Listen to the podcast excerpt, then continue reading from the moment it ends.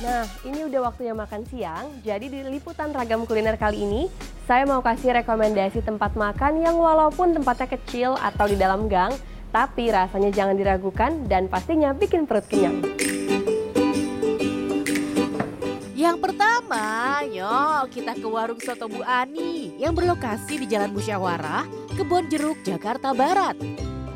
Walau agak sulit dijangkau karena lokasinya di dalam gang, warung soto ini cukup terkenal loh dan sudah berdiri selama 20 tahun. Awalnya ya biasa aja kecil-kecilan, terus sekarang udah sampai 21 20 tahun. Warung soto Bu Ani ini menawarkan soto Betawi sebagai hidangan utamanya. Satu porsinya seharga Rp22.000. Gurihnya kuah soto yang bercampur dengan santan berpadu dengan syahdu bersama potongan daging sapi yang empuk serta tomat dan juga keripik emping. Jangan lupa menambahkan perasan jeruk nipis agar rasanya semakin segar. Mantap! Cita rasa yang khas bikin banyak pelanggan tetap setia mampir ke gang sotonya Bu Ani loh. Bahkan ada yang sudah berlangganan makan di warung ini selama puluhan tahun. Kalau udah cinta emang susah ya buat cari gantinya. Emang udah langganan, udah lama. Dari kapan ini? Uh, udah berapa tahun puluhan tahun lah. Mm-mm. Karena enak ya rasanya. Bagi yang tidak suka santan, di sini ada juga soto Betawi dengan kuah bening. Wah, patut dicoba juga ya pastinya. Selain itu, warung yang buka mulai pukul 9 pagi hingga pukul 7 malam ini juga menyediakan soto mie, soto ayam, gado-gado, hingga ketoprak. Harga makanannya pun masih ramah di kantong, berkisar Rp17.000 hingga Rp25.000 rupiah. Wah, wah, wah, bikin ngiler nih.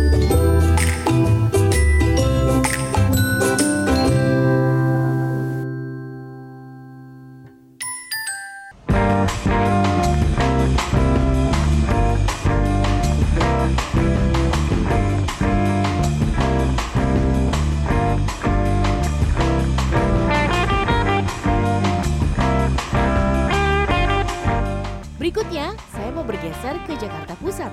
Ada rumah makan sahabat Minar Roksi di Jalan Kiai Haji Hashim Asyari. Kalau dilihat dari luar, lokasinya sih di pinggir jalan raya. Tidak masuk ke dalam gang. Eh, tapi-tapi, ternyata tempatnya hanya selebar gang ini saja loh. Bapak saya dulu di awalan di sini. Dari tahun 2001, saya pun mulai dari tahun 2011 sih, generasi kedua. Buka setiap hari mulai pukul 9 pagi hingga 5 sore.